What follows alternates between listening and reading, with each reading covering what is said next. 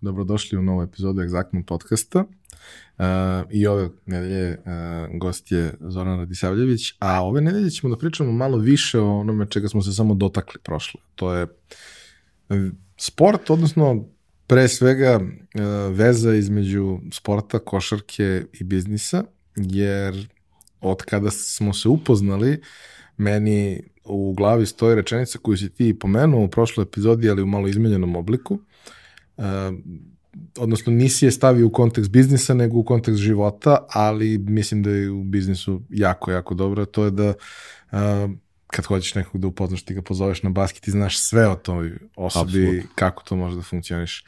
Um, kako je basket uh, našao svoj put u, u tvoj život?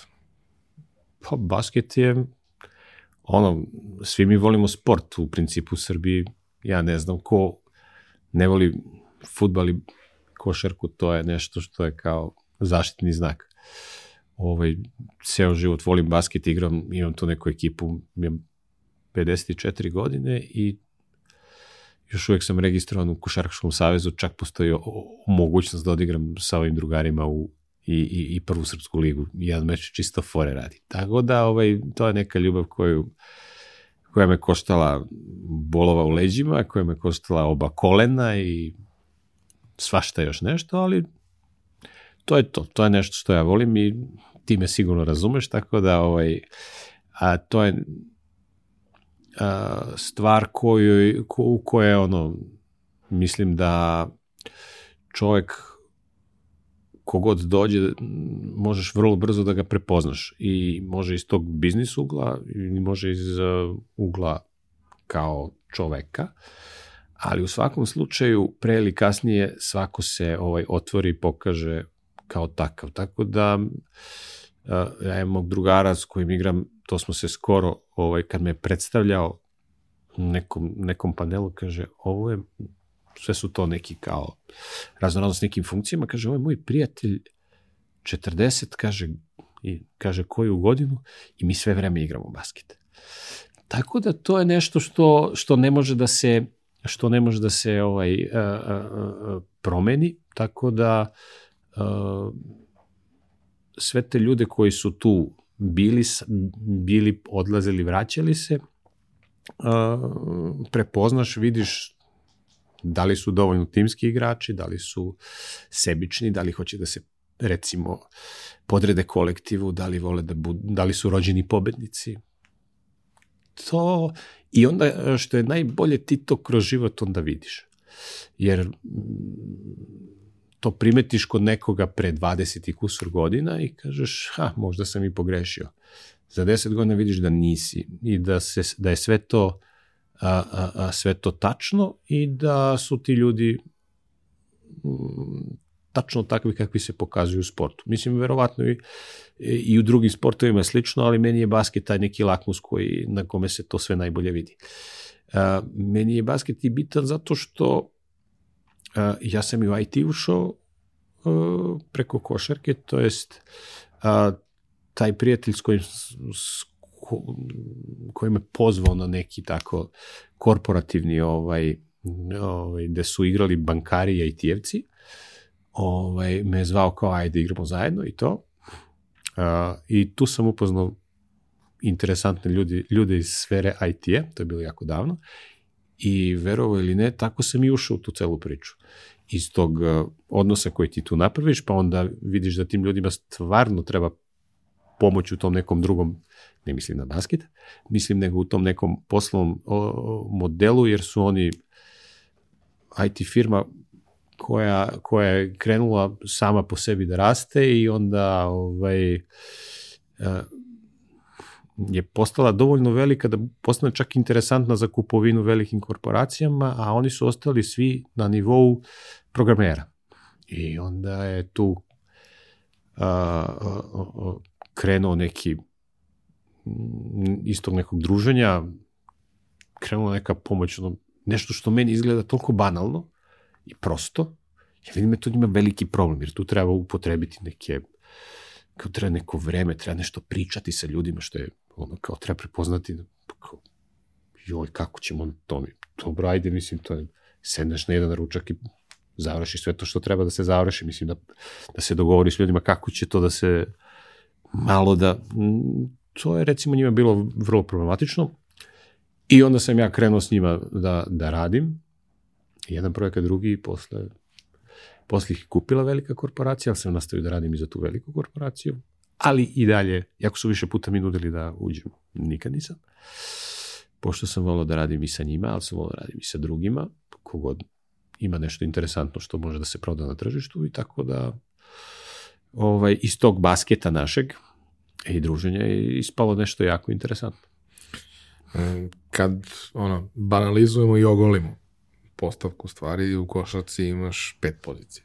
Tako je. Sad da ih zoveš kako god, da ih zoveš kako ih mi zovemo u Evropi ili kako ih zovu Ameri, suštinski nije bitno, iste su stvari, različite su nazivi, ali e, ako probamo da smestimo igrače u pet pozicija, nismo ništa uradili, zato što ima mnogo različitih četvorki, ima mnogo različitih kečeva. E, kako ti vidiš te stvari? Ono, kao neko ko ima mnogo raznovrsnog poslovnog iskustva sa jedne strane, a jeli, basket mu je toliko važan i toliko ga voli i da ga igra i da ga gleda i da ga analizira i da razmišlja o tome. Kako bi prosto objasnio te razlike koje čine da nema pet varijacija nego 55 ili 555? Pa dobro, Nikola Jokić, evo, to, to ti je prva asocijacija čovjek je centar, kako god okreneš, mislim, on je centar, ali je i play, i back shooter, i može da igra i krilo, ja jedino ne znam, verovatno će moći da bude i dobar trener, ne znam, ali sve pozicije pokriva. A, ja mislim, e, basket se razlikuje po meni od futbala, sad će da mi mnogi zamere, ali basket je stvar za koji vi- više zahteva inteligencije nego neki drugi sportovi. I uh, možeš ti da budeš i višlji, i jači, i brži, ali to ne mora, ne mora da znači ništa. Uh, fizičke predispozicije su super i ok, ali ako nemaš lucidnost i ako nemaš ono što se zove ovaj, malo, malo ulice, malo tog uličnog basketa, malo svega ostalog. I to je nešto što je nas stalno izdvajalo kao, kao, kao i kad je bila stara Jugoslavija, pa smo imali sve te rezultate silne, i kao Srbija i kao ta košarkaška nacija, nas razlikuje ta inteligencija u, u, u ovom. Mi nismo ni najviši, ni najjači, ni neke atlete, niti, ni sve ostalo, ali mislim da smo uvek imali tu neku lucidnost koja je nama davala tu neku razliku. I samim tim ti onda dolaziš do toga da je to isto tako i u, i, i u životu. Mislim, ti ljudi koji mogu da, da se a, a, a, transformišu iz tog pozicije playa u poziciju 2, 3, 4, 5 i koji mogu da prihvate raznorazne uloge da ti si u jednoj ekipi back shooter, a u drugoj ekipi si odbrambeni igrač jer nisi za drugo.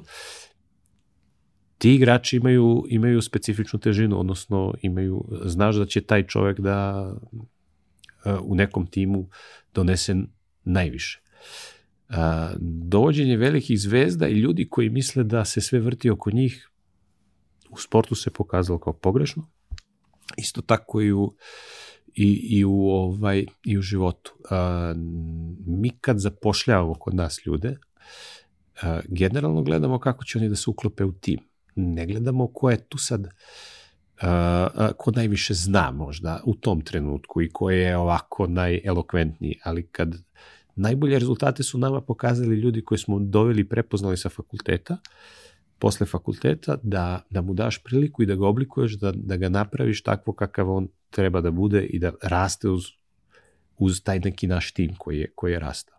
A dovođenje svakog sa strane mora da bude vrlo pažljivo i brižljivo ovaj, spremano da on ne poruši harmoniju, jer to je kako na basketu, tako i u firmi najbitnije. A, ti dovedeš nekog ko misli da zna više od drugih i da je on nešto bitniji, umesto jednog rešenja dobiješ pet problema. I tu u principu Marko ima najviše a, najviše i zasluga i problema, pošto se on najviše time bavi i konsultanti su njegova deca. I ovaj, uh, u suštini uh, krugovi kroz koje prolaze i ljudi koji, koji dolaze na probu i da rade kod nas i na, na raznorazne intervjue, ti tu tek vidiš različite stvari, na primjer, koliko ljudi ne znaju da se snađu, koliko ljudi ne znaju da ovaj, uh, današnjim klincima je prvo pitanje ako mu postaviš bilo koliko god je to pitanje glupo ili nenormalno, njemu je da uzme telefon i da ga izgugla. I ti znaš da od toga nema, nema vajde. Znači on mora da, da, da upotrebi mozak da bi došao do tog nekog rešenja. To ti je isto kao na basketu. Kad te zatvore, svi sad očekuju da ćeš ti da baciš neku loptu, ti mora nađeš neko rešenje. Mislim, uvek je to nalaženje i prepoznavanje rešenja prava stvar. A sve drugo, ako ti radiš po šablonu i ako radiš ovaj, kako svi drugi misle da to treba da se radi, rezultat će biti prosječan. Za te neke vrhunske rezultate moraš da, da razmišljaš drugačije, da budeš malo lucidniji. To je nešto što, što ti možeš da vidiš u basketu i što možeš da prepoznaš kod čoveka kojeg recimo možeš da dovedeš u svoju firmu i možeš da mu prepustiš neki deo odgovornosti jer znaš kako će da reaguje u određenim situacijama. Sjećam se, um, 2018. sam bio na, na nekoliko utakmica u Teksasu obišao Houston, dve utakmice išao u San Antonio kao novinar. Dallas. I e, gledao sam u San Antoniju e, Sparse i Maverickse. Dobro. I to je bila recimo to veče je pao rekord uh, kad su Clay i Steph dali nešto 26 trojki, ovaj dao 14 ili 17, koliko već. I sedao sam tu sa, sa, sa kolegama novinara imali smo dva otvorena, ono, jedan box score da vidimo šta se dešava na ovoj utakmici, paralelno drugi gde gledaš šta rade ovi ludaci. To veče je bila Lukina sedma utakmica u ligi, on ima, nema punih 19 godina u tom trenutku. Izgubili su na produžetke, To im je recimo bilo možda peta ili šesta utakmica na strani za redom. I on je dao 31 poen. Do tog trenutka nije davao, bilo je, bio dobar jako za rukije i sve, ali nije imao te momente. Prvi put to veče uradio to. I sad posle, jer su nam kao rekli za, za gostujuću ekipu, posle pojurite trenera slučionicu za izjave i to. I Carlisle je tad vodio ovaj, Dallas. I svi su nešto pitali i sve. I ja kao Znaš, više bukvalno nije ostalo skoro ništa od pitanja, došao sam ja na red i ja pitam, dobro, e, koju će poziciju igrati Luka dominantno? A me gleda i kaže, pa, koju bude trebalo. Pa dobro. to je to, mislim. U suštini, Luka je rođeni takmičar, ja sam ga sad recimo gledao u Manili, ovaj, i uh, ta želja i ta ovaj, emocija i sve ostalo što on donosi na terenu, to je stvarno, to ne može da se... To, to ne može da bude fake, to je, ti vidiš da on, on živi za to i da hoće da pobedi, da bi svaki atom snage dao da, za, za, za to. I to kažem sad Luka, pa to svi vidimo pa znamo, ali to isto vidiš i kod drugih ljudi kad, kad, kad izađeš na teren sa njima i onda to može da, naravno da preneseš dalje. A ovaj, što se tiče Clay Thompsona i, i, i, i Stefa, sećam se onog Madrida i onih čuvenih par minuta naših kad smo poveli mm -hmm. i kad je Clay krenuo čovjek, ja nikad nisam, ja kao pratim košarku i ovaj, bilo je tu reprezentacija koje su dolazile i bile stvarno ono brutalne, američke. Nisam bio nešto naročito impresioniran sa njima te godine i čovek kreće kako pređi centar, on digne i šutne trojku i svaki put. Kao bazen. Ja rekao, ko je ovaj čovek? Naravno, posle toga se od sledeće godine Golden State kreće sa onom čuvenom svoju small ball i udri. Ali tu dolaziš do toga da kao, znaš, ono, informacije, informacije, informacije. Pazi, gledao sam dve stvari na zagrevanju koje su bile zastrašujuće. Gledao sam i naša razne ove igrače i, i gledanje kako Bogdan trenira šut je, mislim, on je možda najveća mašina koju sam ja video od svih njih u smislu da je bitno da svaka lopta bude savršeno šutnuta, izbačena i sve. Ali dve stvari koje sam gledao su strašne.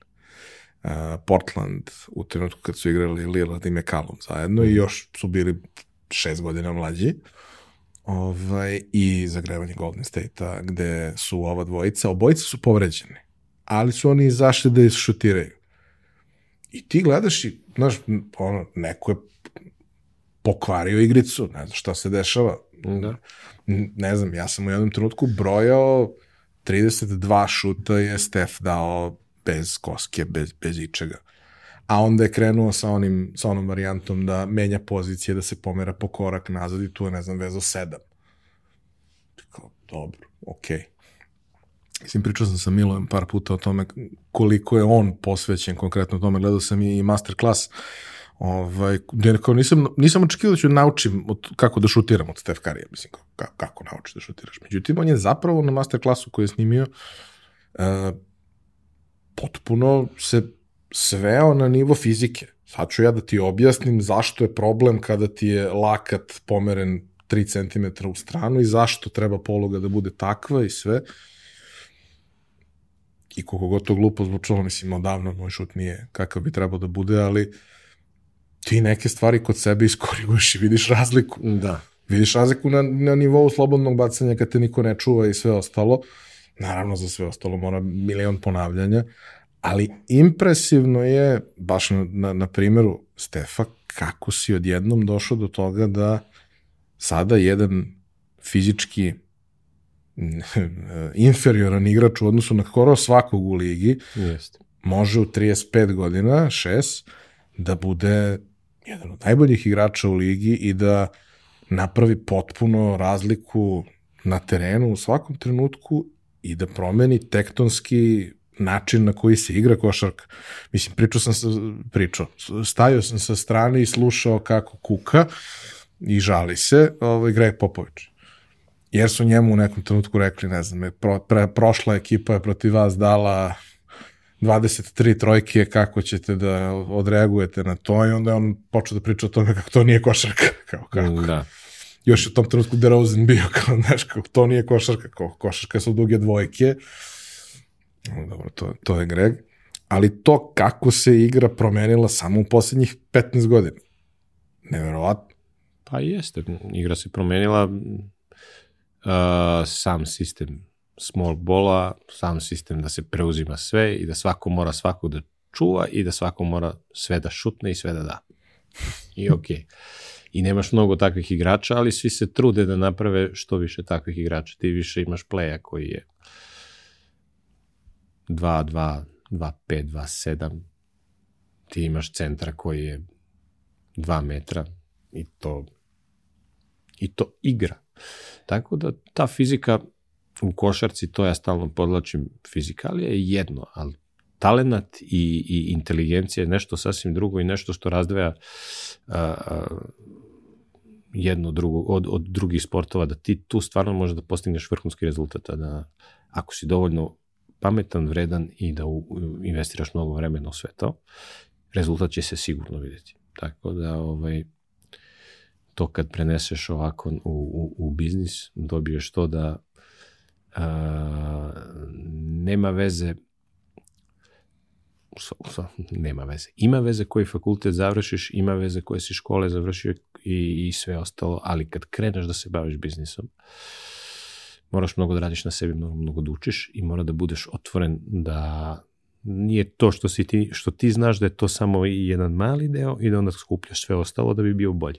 I što više radiš, učiš, onda će doći do boljeg rezultata. To ti je, to ti je basket, a to ti je život. Tako da... Meni je zanimljiva ta evolucija koja se desila kroz različite uloge.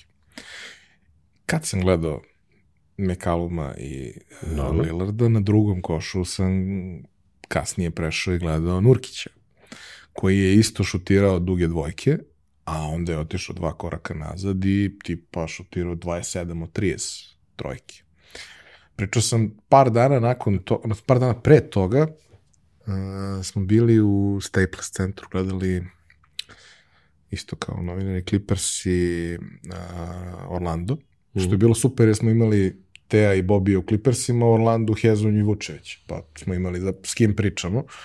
Niste imali koga da gledate, ali ste imali s kim da pričate. Je, utakmica je bila zastrašujuća i hala je bila skoro potpuno prazna. Tako da to je, to je bilo, ali dobro, mislim, Teo je imao par poteza gde su ono kolege američke bilo, znači šta je ovo, pa, to je Valjevac.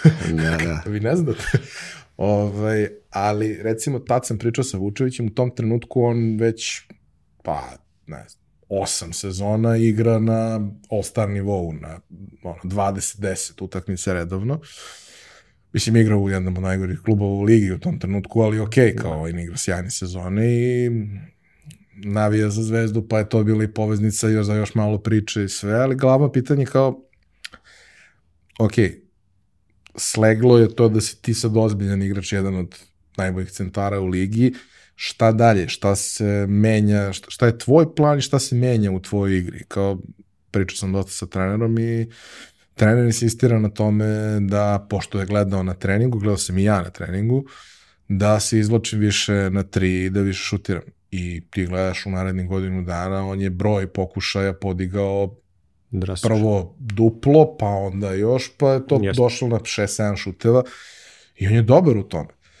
Ista priča sad, naravno, potpuno drugačije fizikalije, mnogo sporiji igrač i sve, ali mislim, svi znamo da Bobby ima fantastičan šut. E, Ko nije gledao kako to izgleda kad ga niko ne čuva i kada nema problem sa, sa zamorom otrčanja i svega toga, Bobby isto veže 12, 13, 14 trojki bez ikakvih problema. I sad, zašto sve to pričam? E, ljudi vrlo često kada pričamo o svemu tome koji nisu igrali ozbiljnu košarku ili iole ozbiljnu košarku, da su imali protivnika koji je ono, igrao KLS, Da. Dobro. oni misle da e, to što neko šutira 70% penale i oni šutiraju 70% penale bez ikakve Da je to isto. da je to isto. Da je to što on šutira 35% za 3 iz igre u kontaktu i svemu tome i ti šutiraš svaku treće ti uđe, da je to isto. To nema veze jedno sa drugim.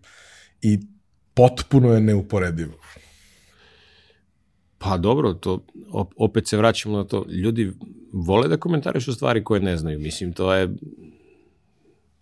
svi imamo koliko, kako kažu sad, sad već mnogo manje, znači što smo se smanjili, pa nemamo više 7 miliona, ali imamo 6 miliona selektora i 6 miliona stručnjaka za sve što se, to je jedina stvar koja je ovaj, pravilno raspoređena, svi smatraju da su dovoljno pametni da bi mogli bolje uh, i da selektuju i da odrede ko će da igra i kako će da igra i ovaj, mislim, ja volim da se šalim sa, sa, sa Karijem Pešićem, ovaj, pošto su sad umanili su ga u principu, bilo je mnogo prozivki na kraju, došao je rezultat, pa je samim tim ne možeš ništa da mu kažeš. Ali kad smo se videli, ja sam rekao, ponesi tablu, molim te da ti ovaj, ispišem ovaj, šta ljudi kažu i kako treba da igraš. Mislim, te tvoje zamene, moraš ovog više, ovog manje. Naravno, on je vrlo duhovi čovjek, pa je to prihvatio kao šalu i rekao, naravno, sve i sad kao samo za Paris tu je, znači biti mnogo lakše, pošto ima samo četiri utakmice do finala, pa ćemo lakše da se spremimo. Ovaj, samo vidi šta svi ljudi misle, koga treba da povedem, koga ne treba da povedem, ko treba da igra, ko treba bude starter, znaš, ono. Tu sam ga pitao, inače, uh, pitao sam ga za Jokića, jedno, jedno pitanje koje mi je bilo ono, uh, uh, meni onako, da, da ga je neko opisao kao, kaže, ja kad sam video Bodirogu, kaže, mislio sam da je to najsavršeniji igrač koji je igrao, jer tačno i ima sve što treba da ima i svi znaju šta će da uradi i nikomu ništa ne može i dovoljno inteligentan da ne pokušava stvari koje ne zna i svašta još nešto. I onda se kaže pojavio Jokić koji je kaže isto to, savršeni igrač. To kad neko kaže da da li on treba nama ne treba, da li ovaj kao znaš, da li bi bio bolji rezultat s njim ili bez njega. To je kaže glupo pričati. Ali uvek igra s onim što imaš, tako da ako dođe na olimpijadu, bit će interesantno. E, ima i taj moment o kome isto često pričamo kad sednemo u nekom društvu koje ima malo širi kontekst. Ovaj, da je možda po, po mišljenju dosta ljudi i nekih njegovih bivših trenera da je u suštini e, najveća zasluga za rezultat koji se desio, a to je da pričamo o čoveku koji je dvostruki MVP, NBA šampion, trostruki MVP iz mog ugla, Trostruki. naravno, sve, sve je to jasno. Ovaj, da se ništa od toga ne bi desilo da je on otišao u neku normalnu ekipu. Mislim, neku ekipu koja je imala pritisak rezultata, neke ozbiljne zvezde i sve ostalo, da, se, da nikada ne bi dobio prostor da bilo šta od ovoga uradi, onako nestandardan, nezgrapan, zbunjen, Neobičan. smešan, u svakom smislu neobičan. Uh, pa jeste, ali to je sad, mislim, uh, u životu je jako bitan faktor sreće. To svi zanemaruju i kažu kao, znaš, uh, ako si dovoljno, do, dovoljno nešto, doći će rezultat sam po sebi. Neće ako nemaš sreće. Mislim, ja mogu da kažem za sebe da sam imao sreće za mnoge stvari u životu i to što sam to mi je skoro rekao, ljudi, jedan prijatelj, poznanik da kažem, rekao je, kažem, e, imaš, kaže, kod tebe mi se najviše sviđa kako si ti selektovo ljude sa kojima radiš i, kak, i kako si ih sve posložio, ne znam, tako nekako malo čudna, neka nezgrapna, onako. Ja rekao, ali ti su ljudi kojima priča su i prijatelji, većina su basketa. Ovaj, ja njih nisam posložio, nego su se oni desili u životu, upoznao si ih, igrao si, družio si se, izlazio si svašta nešto i to je to, to je, to je ti sa svima njima si prijatelj, ti, ti se viđaš i do, ideš kući, dolaze oni kod tebe, mislim, to je, to je odnos, nije to nešto što se, e sad, sticajem okolnosti, pa ono, znaš, desi se a, a, a, da nam se ukrsni neki poslovni putevi, pa ti kreneš nešto zajedno da radiš, pa imaš neke rezultate dobre i sve ostalo, ja kažem, imao sam sreće, nisam ja to radio namerno. To isto, mislim da a, a, Jokića su posle Mege svi videli u Zvezdi. I bilo je kao ono, očekivalo se da on dođe u Zvezdu, pa da igra, ne znam, dve, tri sezone, pa da ode u NBA. Kad smo čuli da on ide u NBA, svi smo bili kao, šta će, Vratit će se za par vratit će se kao što su se mnogi vraćali. Ovaj, uh, drugo, Denver kao Denver je bila ekipa onako prilično prosečna. Niko ništa nije očekivao. Sa gomilom nekih talentovanih klinaca. Jeste. Ali niko ko je stvarno ono franchise be- player. Da. Uh, I tu je onda bilo iznenađenje kad su oni na kraju su, kako se ja sećam, tradovali Nurkića, je tako? A ostavili, pravili budućnost na Jokiću. Mislim, kad, kad ono, kreneš U tom da momentu to sabiraš- nije bilo realno po meni. I u jednom trenutku ti, kada dolazi Jokić, imaš već par sezona Keneta Farida, koji je Tako je. reprezentativac, koji je, ne znam da li je bio All-Star igrač u tom trenutku, ali definitivno All-Star kandidat, koji je, ono, posljednje što znamo, je igrao nešto u Rusiji malo, pa onda otišao u Aziju, znači igra tu alternativnu košarku. Mm, Da. Ovaj, ali imaš 7-8 nekih vrlo interesantnih, jako mladih igrača, ali valjda srećom što je to Denver, nemaš pritisak sad da moraš sa tom ekipom sledeće godine da uzmeš titul. Jer ako pravimo to poređenje koje se vrlo često pravi, a mislim da nije dobro i adekvatno, to poređenje između Luke i, i, i, Nikole i njihovih puteva, e, Luka je došao sa 18 godina kao čovjek koji je osvojio sve. Tako je. Nikola koji je bio najbolji igrač najboljeg tima u Evropi, koji je došao i uradio ono sa našom reprezentacijom što je radio, nije baš morao. Ovaj, Da je sreći bio u našoj reprezentaciji, ali to je tema kao koju... i Jeste, jeste. braća Dragić, Tako je. ali dobro, ovaj, ali u celoj toj postavci on je dečko rođeni šampion koji je došao tamo sa ozbiljnim pedigreom. Da.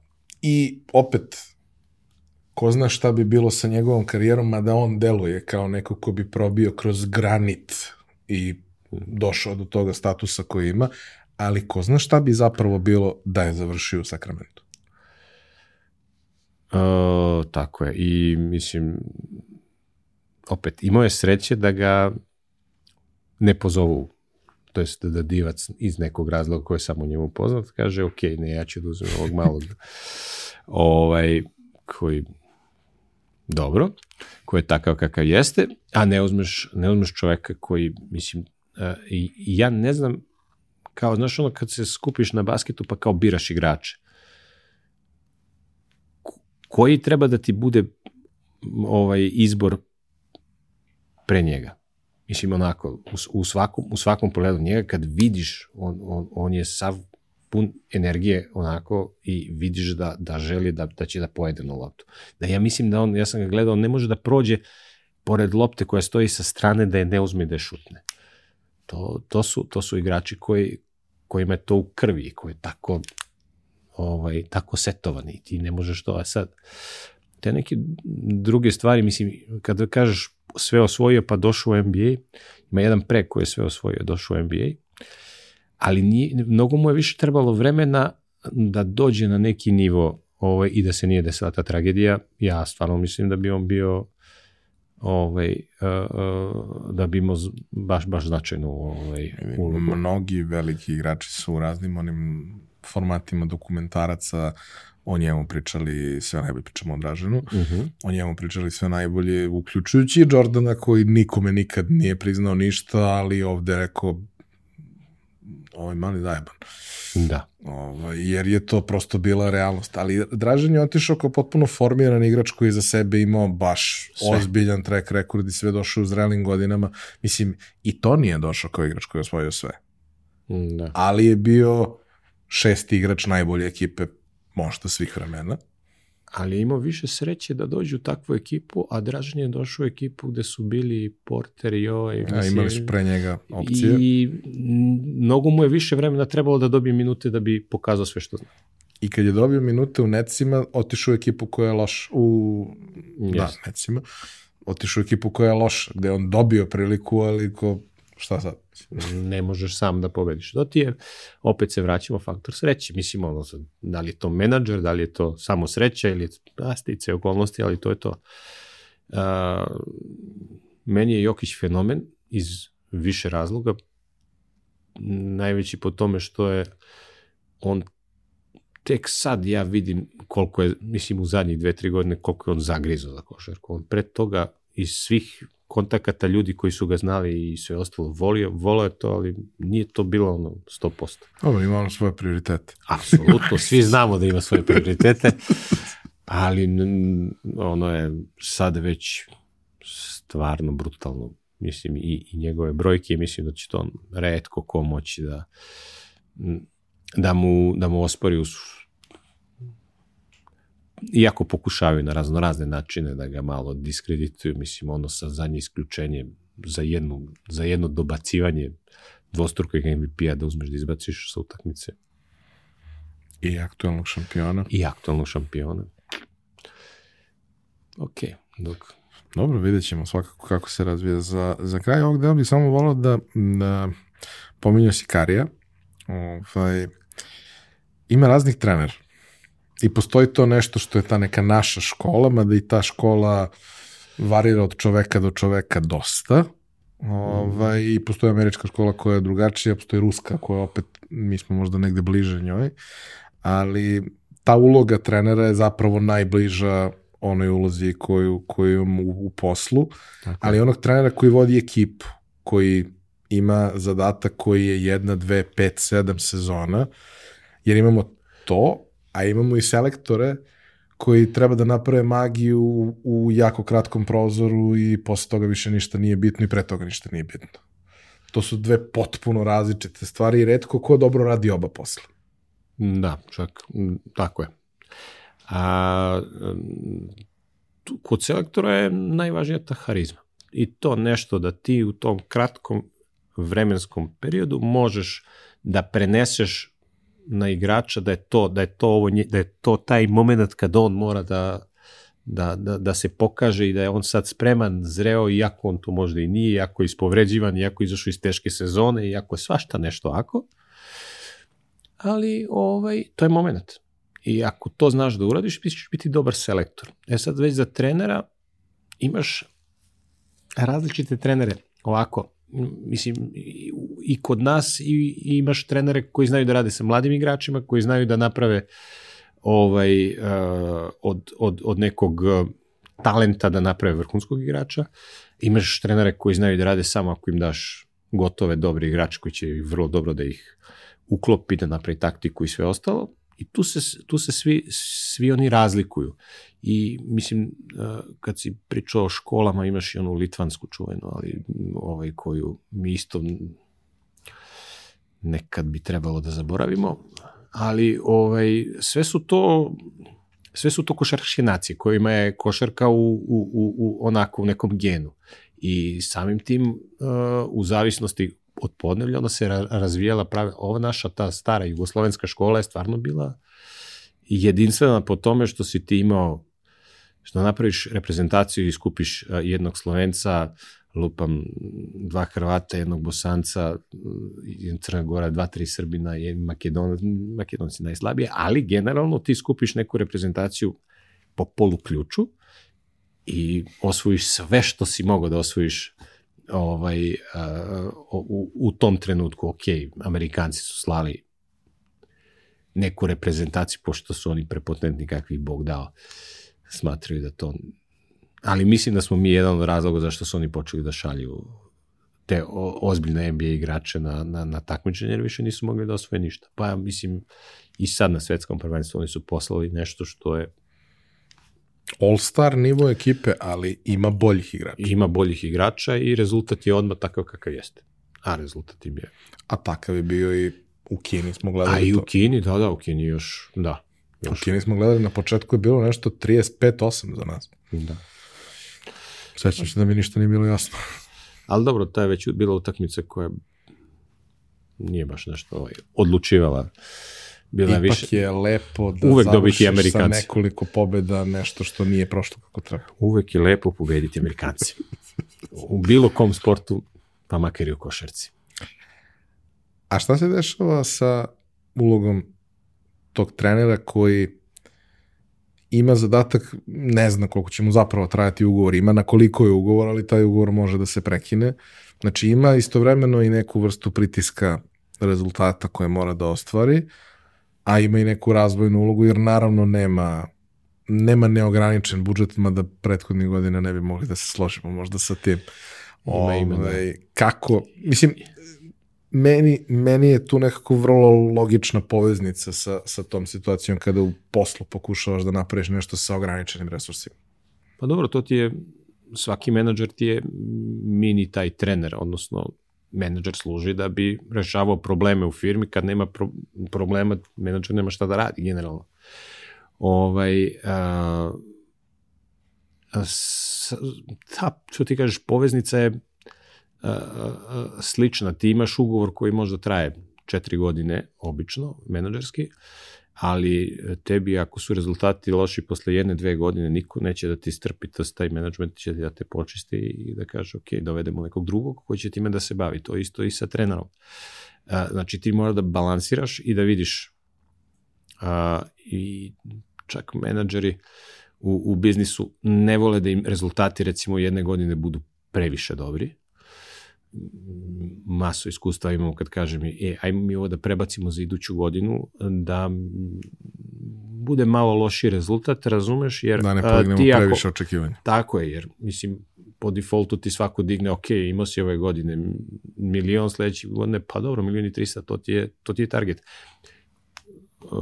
I isto se dešava i u basketu. Ako ideš, ali nećeš da sve svoje adute ispucaš odma, jer uh, u sledećoj sezoni ti praviš ekipu da bi napravila rezultat sledeće ili one tamo sezone, znači moraš da rasporediš sve to da, da, da to ima nekog smisla, jer ako tempiraš formu. tempiraš formu. Sad, to mi nikad nije bilo jasno, kad izađeš igra 100%, ali to dobri treneri znaju da urade, da, da im igrači ne izgore ono, u, u startu, pa kad dođe utakmica stani pani, ona je jedna obično četvrt, četvrt finalna i, i bez obzira na sve te rezultate koje si imao pre toga koji mogu budu loši, dobri, ti tu ili jesi ili nisi. Prekretnica za sve. Ali mogu ti reći kad pričamo o biznisu, ovaj, mnogih tih vrhunskih igrači, pogotovo košarkaši, su jako dobri predavači. Posle toga, kad im se završi karijera, ja bi im savjetovao da se više bave tima nego nekim drugim stvarima kojima pokušavaju što dosta vrhunskih sportista pokušava da se bavi biznisom, što je obično osuđeno na propast. Sem ima, ima par primjera koji su, ali su, to su izuzeci koji potvrđuju pravilo. Ovaj, uh, uh, oni su jako dobri, pogotovo ako je igrač bio play ili ako ima tako, tu neku, neku, neku hemiju za, za tim. Jako su dobri za team buildinge, za, za ta predavanja gde se opisuje uh, odnosi u, u timu koje treba da, da se prenese na neku, neku ekipu, odnosno neku korporaciju, odnosno neki tim. Uh, jer sve to funkcioniše na istim principima. Tako da je moj savjet nekim, nekim i ovaj, igračima da se ne bave biznisom, nego da se bave time što najbolje znaju. I u principu to je kad ljudi prepoznaju ono što najbolje znaju da rade, to je super. Onda se ne bave tim nekim stvarima koje, koje ne znaju, a volili bi da znaju, pa to se neslavno završi obično. Pričali smo o košaci. Sledeći put ćemo da pričamo o tome kako to izgleda kad uzmeš neki kompleksan i zahtevan IT projekat gde nemaš možda ni adekvatnu podršku sa strane klijenta, a to je važno i mora da se desi i nije nešto čiji je kraj baš tek tako lako dostižan i vidljiv, nego će trajati nekoliko godina možda da, da se desi do kraja. Hvala što ste nas slušali. Uh, to bi bilo to za ovaj petak. Uh, vidimo se ponovo narednog